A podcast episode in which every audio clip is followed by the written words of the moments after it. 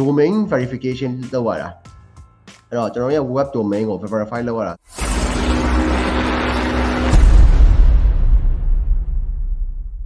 ပထမဆုံးမိထားတာက Matt သစင်ဖူးဝေမိထားတာပါမင်္ဂလာပါအကို Alex Instagram shop နဲ့ဖွင့်တာနဲ့ပတ်သက်ပြီးတော့အတွေ့အကြုံလေးနှောက်ရပြလို့ရမလားရှင်ညီမလုပ်ကြည့်ရ website ရှိမှရမယ်ဆိုလို့ပါရှင်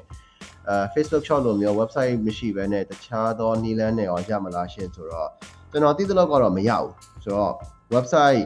အာရှိမှပဲ သူ့ရဲ့သူ့ရဲ့အာဘယ်လိုခေါ်မလဲ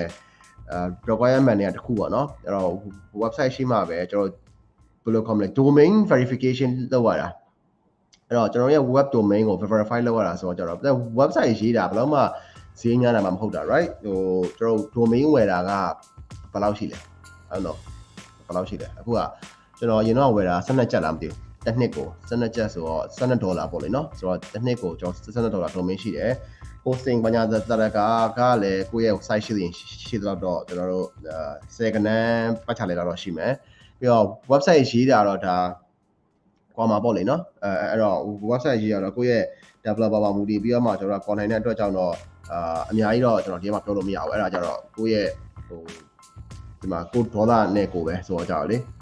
ဟိုကျွန်တော်တို့ကထားပါတော့တင်းကိုတင်းကနန်းကနေ